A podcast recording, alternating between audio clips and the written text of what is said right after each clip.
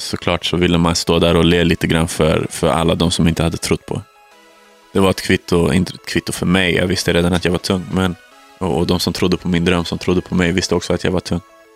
De som lyssnade på musik, musiken visste att jag var tung. Det var bara resten. Här, här är ett kvitto på någonting.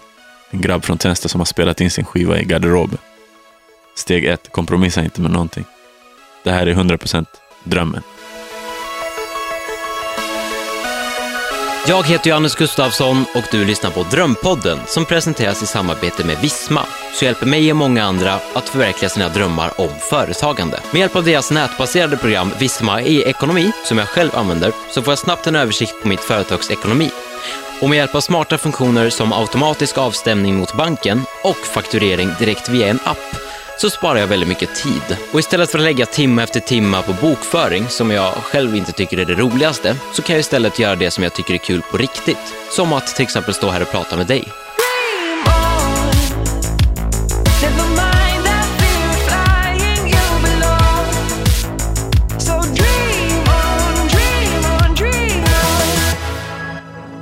Var började det? Var växte du upp?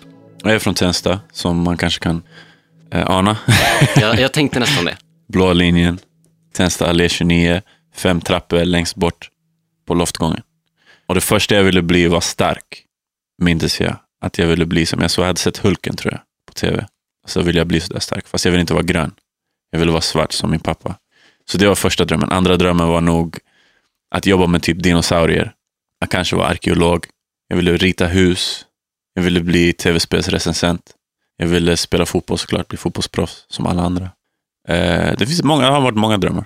Var det här när du var liten eller när du var ungdom? Liten slash ungdom. Jag tror att många drömmar har, har hängt med parallellt med eh, att man växer upp. Eh, vissa andra drömmar slocknar såklart. Eh, det är en intressefråga här. Vad, man, vad är man hype på det här året? Typ. Hur såg din familj ut? Lät de dig drömma? Eh, 100 procent. Alltså, jag har alltid fått göra precis så som jag vill.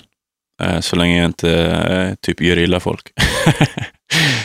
det har ju varit mycket fokus på ekonomi och så här, betala hyran, eh, påminnelseavgifter, ligga efter med hyran, ligga efter med telefonräkningen.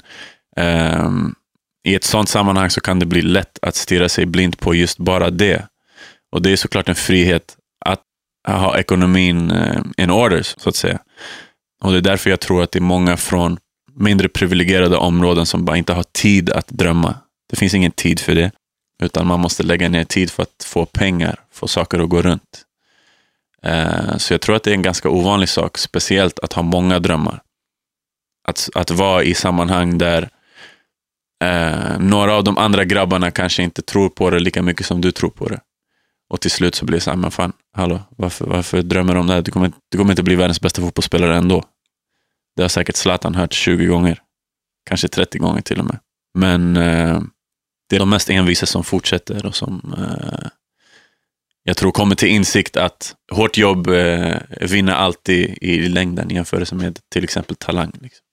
Och trots, trots det, då, trots omständigheterna som jag kommer ifrån, ensamstående mamma, eh, lågavlönad, har förvisso haft jobb, men har fått lägga ner jättemycket tid på det kontra att vara hemma, den här balansen, eh, så, så har hon låtit mig drömma fritt och, och göra det. Jag tror hon, en förtroendefråga också. Hon visste att jag skulle fixa det på något sätt. Oavsett vilken av de här vägarna jag skulle ta. Men om man kollar på dina kompisar som liten då? Du säger att alla inte tillåts drömma. Ja. Tror du att dina kompisar tilläts drömma? Jag tror att ehm, det är också en generationsfråga. Uh, och en, främst så är det en umgängesfråga. Om man, om man hänger med folk som drömmer så, så är det mycket enklare att förverkliga det här och, och känna sig bekväm i, i, i de omständigheterna. Men om man drömmer, om man hänger med en skara människor som inte drömmer, som inte har några ambitioner eller inga mål, då är det skitlätt att falla in i den nedåtgående spiralen. Jag tror inspirerande människor, folk som vågar, folk som vågar prata om det först och främst, de är mycket, mycket närmre att nå det här målet än de som inte ens vågar säga att de har en dröm eller säga att de vill gå på teater eller jag vill bli skådis eller jag vill jobba med ekonomi, jag vill bli ingenjör. Det är många som, som har en, fortfarande den här ekonomiska pressen och den här statuspressen från sina föräldrar som säger att men du måste bli läkare, annars är inte du mitt barn. typ. Och det är ju så. I, i, i många av, av de kulturerna som, eh, som, som finns i, i Tensta, de eh, bakgrunderna som finns där, de, de flyktingarna som har kommit till Sverige. I många av de länderna så är det en statuspryl. Liksom. Vad ska man jobba med? Och artist, jag tror inte det är speciellt högt upp på listan. Men eh, ja, Är det värre i Tensta än i innerstan i Stockholm? absolut. Och framförallt i innerstan så finns det möjlighet. Alltså man behöver inte oroa sig över ekonomin på samma sätt, i samma utsträckning. Nej. Då finns det möjlighet och det finns du vet, en, en buffert av eh, hur många misslyckanden som helst innan man kan nå dit. Det, den bufferten finns inte någon annanstans. Någon av de drömmarna som du pratade om förut inkluderade inte musik. Ingen av dem egentligen. Nej, men det var ganska sent tror jag. Ja. Eh, jag kom ju in, jag började dansa breakdance, tyckte det var kul på vår teater i, i Tensta. Och eh, efter det typ blev jag introducerad av min storebrorsa till musikdelen av, av hiphopkulturen, kan man säga. Eh, men det var först ja, men fem, sex år efter jag hade börjat dansa. Och då märkte jag att shit, man kan berätta sin historia på det här sättet. Det är coolt. Lyssnade, pluggade, du vet, studerade verkligen, lyssnade på musik hela tiden, varje dag i stort sett.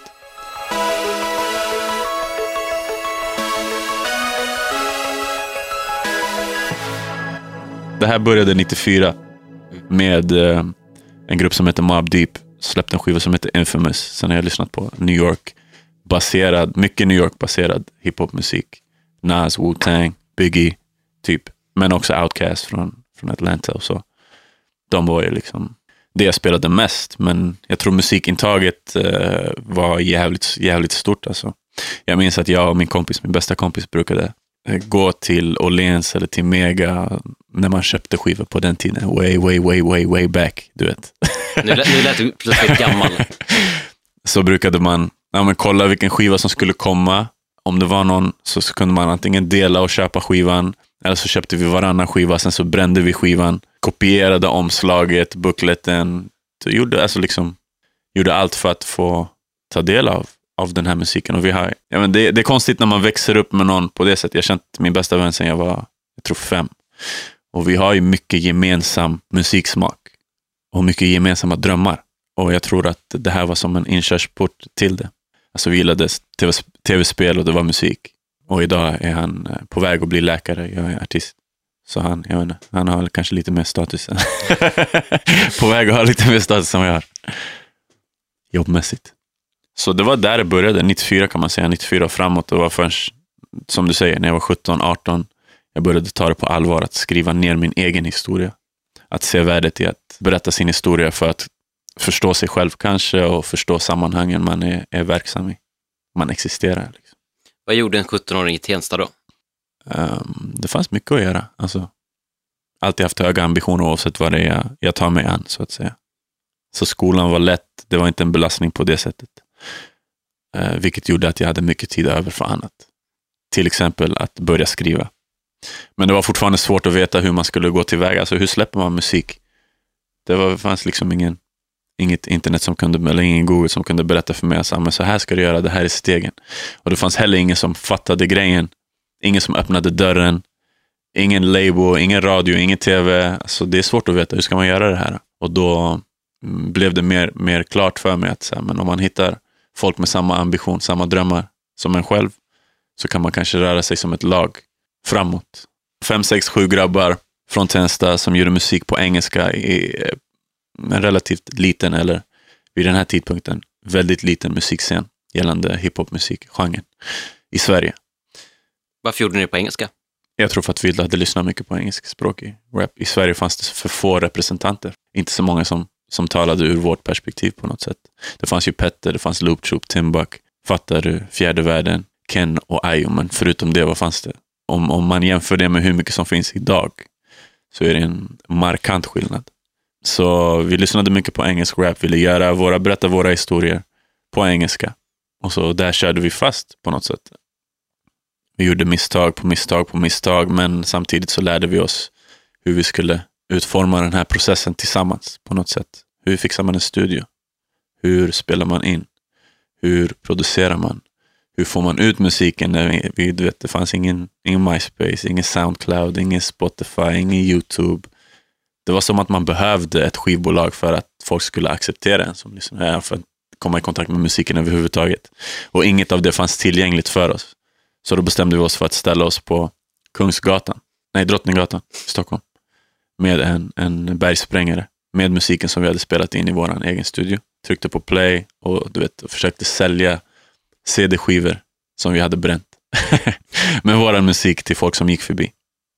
Och jag tror att eh, folk var jävligt ovana att se du vet, folk eh, ta för sig på det här sättet. Det kändes som att det var, ja, men det fan är det amerikanskt, det är ett amerikanskt tankesätt. Eh, jag vill lyssna på min musik på radio, så att det slutade med att vi inte fick några skivor sålda.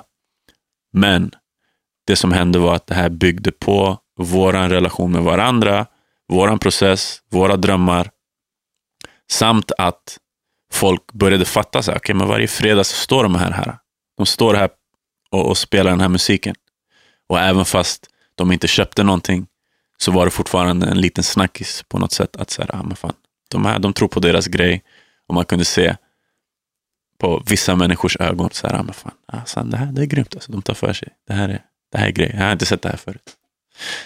Det känns inte svenskt. um, så det var, det var ett sätt att, att försöka komma ut på den här tiden. Och då pratar vi om 2000, 2001 kanske. Fanns det, finns det några av de här personerna som stod i crowden då? Finns de fortfarande kvar och supportar dig?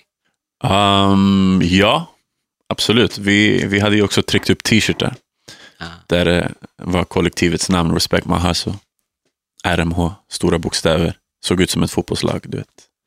Eh, och eh, ibland på mina spelningar så ser jag folk med de här äldre, de gamla tröjorna du vet, som vi hade back in the day. Och det känns bra att man på något sätt har växt tillsammans med, med lyssnarna parallellt. Liksom. Alltså, lång historia kort, medellång i alla fall. så kan man säga att vi ju gjorde alla de här misstagen för att vi skulle lära oss av det. Och vi gjorde de här misstagen för att vi också sen skulle dela med oss av den här informationen till resten av scenen. Ett tankesätt som inte fanns överhuvudtaget på den här tiden. Du vet, man kunde inte ens få ett nummer till Timbuk ifall man frågade någon som hade numret till Timbuk. Nej, jag ska ha det här numret för mig själv.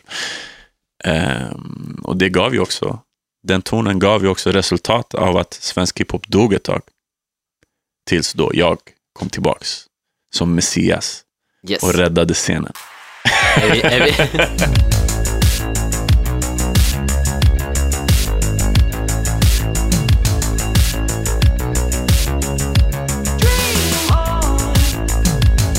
Vad var målet då liksom med musiken? Varför gjorde ni det? Eh, jag, jag hade väl ett individuellt mål, jag tror. Mm, och de andra grabbarna hade väl också individuella mål, men tillsammans så ville vi nå ut och så, så ville vi bygga en plattform. Individuellt sett så ville jag bara, jag ville bara berätta min historia. För att jag visste att så här, om jag inte berättar den här historien om var jag kommer ifrån, vad jag upplevt, vad jag sett, hur jag skildrar världen ur mitt perspektiv, afrosvenska ögon i Sverige, eh, så kommer någon annan att göra det. Fast förmodligen på fel sätt. Det vill bara se hur, hur förortens historia speglas idag i media. Och det gjorde den även då. Alltså det här är en process som pågår konstant. Att vita journalister från Södermalm kommer till förorten och, och försöker spegla vad som händer. Men det är sällan folk från förorten som får spegla sin egen identitet, sin vardag och sitt perspektiv ut till den breda massan. Så jag, vill, jag visste att jag, ja, men jag såg mig som någon form av journalist fast från insidan. Ja, det var stora tankar redan som ung, liksom, kan man säga. Så eh, Drottninggatan var första steget ut i artistkarriären? Eh, ja, ett steg på vägen. Yes. Sen då? Efter att ha skapat en studio hemma, gissar jag, eller? När vi hade en studio på Fryshuset i Stockholm. Okej. Eh, och för att betala den här studion så, så hade vi andra uppdrag, kan man säga. Från bland annat Luger, att sätta upp affischer. Så vi betalade studiotiden med uppsättning av affischer. Och, och som till slut så, man kan säga att processen utkristalliserade sig mer och mer. Någon som började som producent kanske la lite av det på hyllan för att komma på att ah, han, han var kanske bättre som manager. Han var kanske bättre på att organisera de här fem, sex, sju grabbarna från Tensta som inte egentligen visste vad de höll på med. Behövde lite guidance. Så då, då tillkom Babak i sammanhanget. Och Babak är ju min manager idag och är bland annat manager för Silvana Imam, Erik Lundin, Michel Dida, Leslie Tay, Sherry, Nebai. en person som jag har jobbat med sedan dess. Och det var vi som startade det här på något sätt. Eh, så även Babak har gått igenom en utveckling här från någon som har coachat basket till någon som är intresserad av produktion till någon som nu är ledande. Vi har ju lyckats att eh, skapa något som ger ringar på vattnet. Nu vet folk att det finns en scen, det har de vetat ett tag. Men nu vet folk att det behövs inte ett skivbolag för att stå bakom någonting som är brett och som når ut, som, som har en bred spridning, så att säga, från förorten till ja, men, riksdagen, kan man väl säga.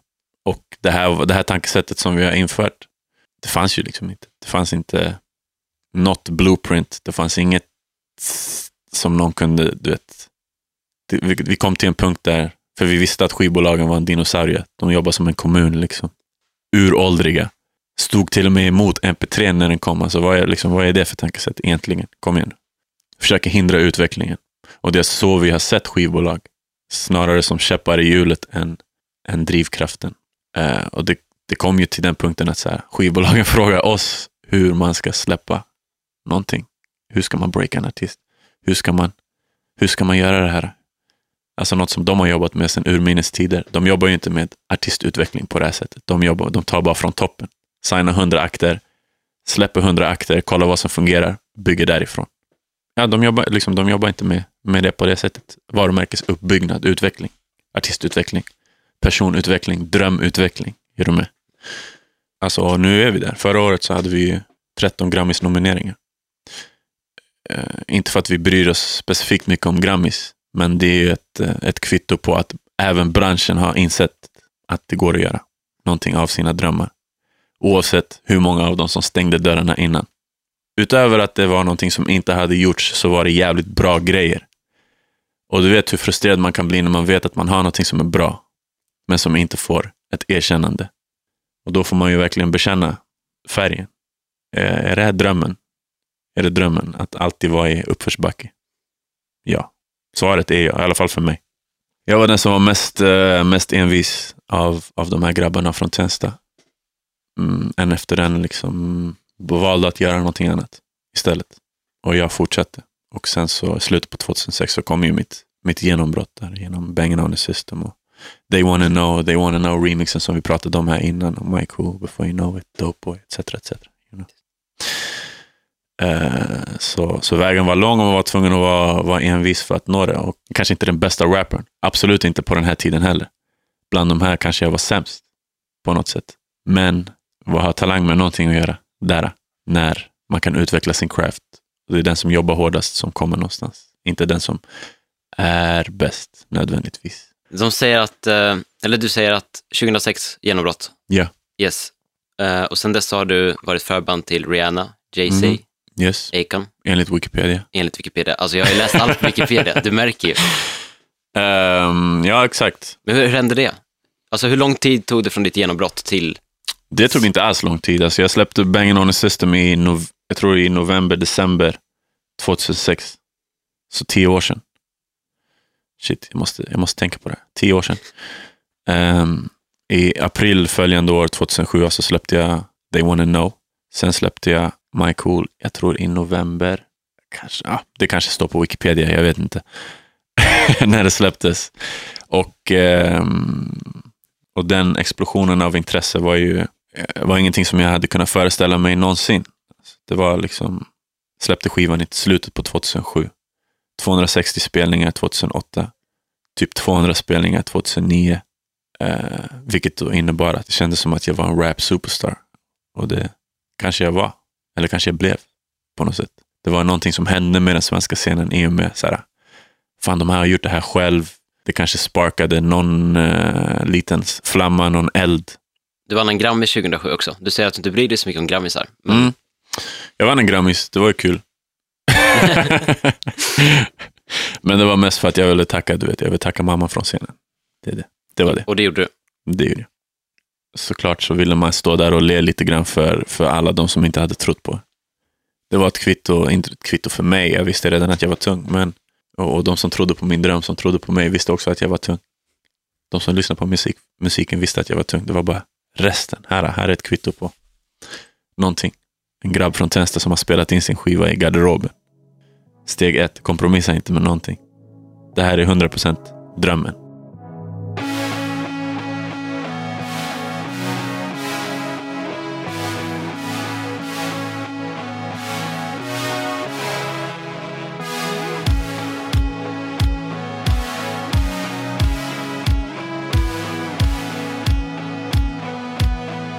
Vi ska prata mer om RMH, Ja.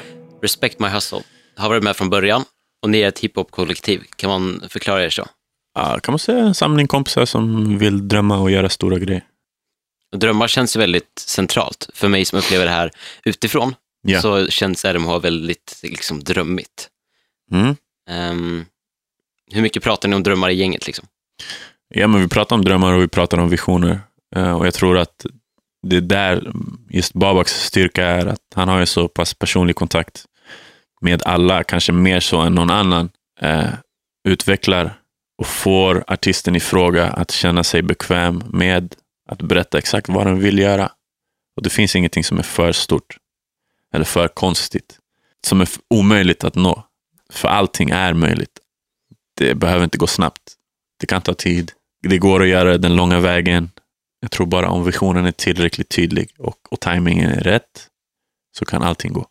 Sandqvist, ni har gjort en eh, väskkollektion tillsammans. Yes, Eh, RMHX Sandqvist. Sandqvist. Och på en av väskorna så står det dröm. På magväskan. Vi ville bara ta, ta tillbaka magväskemodet för att vi tyckte att vi hade saknat det i våra liv. Och ni lyckades ju typ. Exakt. Var det ni tror du? Jag tror alltid att det är vi som skapar saker. Skapar trender. Ditt namn kommer inte från att du, du liksom bodde i Tensta, utan det var du som skapade Tensta med ditt namn. Ja, på ett sätt. Ja. Och så på ett sätt så skapade Tensta mig. Jag läste någonting, jag var inne på Flashback förut, och så läste jag, Ooh. oh, Det nya Wikipedia. jag ja, den mörka sidan av eh, internet, liksom. dark side. Nej, men, ehm, och där läste jag att du hade jobbat på, ett, ehm, på Microsoft, Ja, exakt. och så läste jag ett skämt där. Jag vet inte om du har hört det själv. Nej, Men, ehm, berätta. Det bästa var när en journalist ringde till eh, Microsoft och frågade om de kunde få prata med Adam Tensta. Nej, vi ligger i Akalla. det har jag inte hört faktiskt. Lite kul. Jo, men det stämmer. Jag tror jag har haft ett av de jobbigaste jobben. Det var telefonförsäljare. Jag var telefonförsäljare i fem år. Du kan tänka dig. Det finns vissa som bara inte pallar mer efter en vecka. Sen så blev jag upplockad av Microsoft. Och där hann jag vara i inte ens ett år innan jag släppte. Jag beslutade mig för att sluta jobba för Microsoft efter att jag hade släppt They Wanna Know. Och jag, sa, men jag räknade lite på så här, men, men jag har en spelning här, äh, sen kanske en spelning till. Det borde vara lugnt. Det borde vara lugnt. Jag borde klara mig. Ja, så, så blev det. RMH, Sandqvist, du, allting. allt känns väldigt dröm. Ja. Vad möter man för motgångar om man är en drömsk människa? Det- Alltså det finns motgångar. Det är bara, frågan är bara hur mycket, hur mycket kan man eh, låta sig beröras av det här. Om man är, låt säga, kvinna i Sverige idag. Om man har en åsikt. Då är det parallellt med att få utstå jävligt mycket hat. Samma sits är jag i på något sätt. Att vara afrosvensk i Sverige blir automatiskt politiskt. Så att, du vet, jag behöver bara vakna upp. Allt blir på något sätt ställt på sin spets att man blir en någon form av representant för ja, men, vegetarianer eller för, för afrosvenskar eller för folk som inte dricker eller för maskrosbarn eller för alla de här olika casusen. Och det är lugnt med mig för att jag är bekväm i de här omständigheterna. Plus att det är perfekt i linje med min, med min dröm att berätta min historia. Men det finns också folk som inte alls är bekväma i den sitsen och någon som kanske inte har lika mycket skinn på näsan som mig skulle kanske ha gått under av det som hände efter TV4-incidenten. Att få 3000 hatmejl, att få 250 dödshot till exempel. Bara på min Facebook. Liksom. Kan du berätta vad som hände i TV4? För de som inte vet så protesterade jag mot TV4s vision av noll rasism eh, genom att ställa mig upp under en intervju och lämna studion. Det var egentligen allt. På ett trevligt sätt. Vilket då leder till att jag ska dö och jag ska åka från Sverige och jag ska, alla som är som mig ska brinna och se dig om för nästa gång så kanske jag skjuter dig. Det, det är standardfrasen alltså. Ja, precis. Du bad ju till och med om ursäkt till programledarna, så Nej, alltså det hade inte med programledaren att göra. Nej. Det är bara folk som vill ehm, driva sin egen agenda. Kanske precis på samma sätt som jag vill driva min egen agenda. Men att de är helt fel ute. De är bara ute och cyklar. Så motgångar kan ju te sig på, på olika sätt. Och jag tror att ultimat sett så är det motgångarna som dödar drömmen. Och jag är privilegierad ur den aspekten att jag haft många drömmar parallellt. Och att lyckas inom en dröm har öppnat flera dörrar att utforska andra drömmar som jag har.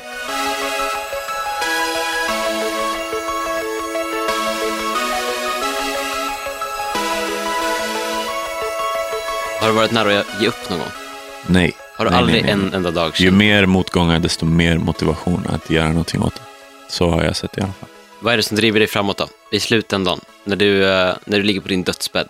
Att, vad vill du göra eh? Eller vad vill du ha uppnått? Att ha berättat historien, att ha förändrat, att ha hjälpt till, att ha utmanat strukturerna som finns.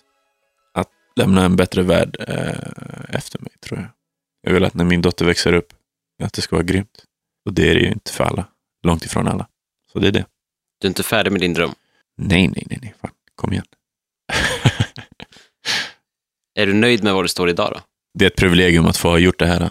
Du vet, jag har inte haft ett riktigt jobb sedan 2006. Det har varit en lång väg, men det har varit cool, liksom. Michael, bland annat. förlåt. Eh, har du någon dröm som absolut ingen vet om? Så jag har en dröm om att tatuera ansiktet, tror jag. Som jag inte riktigt har vågat göra än. Men jag är, ju, jag är ju artist, så det borde fungera. Ja, så, Alltså vara accepterat. ja, kolla på ASAP Rocky. Eller kolla på Gucci, han har en glass på ansiktet. Men är det accepterat? Nej. Jag har inte, Vem är Gucci? jag har inte Varför har jag missat det här? What? Förlåt, ah, nej. What? Ja, men Ja, du får kolla upp, kolla upp det. Gucci bara. Gucci man. Kolla på hans glass. Skriv bara ice cream tattoo face. Oh. Du förstår själv. Jag såklart inte, ska inte göra någonting som är fult, utan jag ska göra Det, någonting det var som är inte så jävla snyggt. faktiskt. Anyhow. ehm, till alla kids som sitter där ute och lyssnar då. Vad vill du Ja. säga till dem? Ehm, att ehm, det är värt att tänka på att hänga med människor som tror på er. Och det är dåligt att hänga med människor som inte tror på en. Lyssna snarare än prata, tror jag. Ta in eh, upplevelser och ta in information. Var ödmjuk inför andra personers berättelser. Och eh, respektera att inte alla har, har haft det precis som du har haft det. Om du vill spela in, om du vill göra musik, om du vill bli artist, så bli det. Det finns alla möjligheter idag. Behöver inget skivbolag bakom dig. Du kan göra det independent. Du kan spela in hemma i sovrummet, eller i garderoben, eller i köket, eller eh, på toaletten. Du kan spela in en låt idag, släppa den på Soundcloud ikväll och om saker vill sig rätt så kan du ha en miljon lyssnare nästa vecka. Tack så jättemycket för att du har lyssnat. Glöm nu inte att gå in och prenumerera och skriv jättegärna en recension också. Det skulle göra mig jätteglad. Produceras av I Like Radio.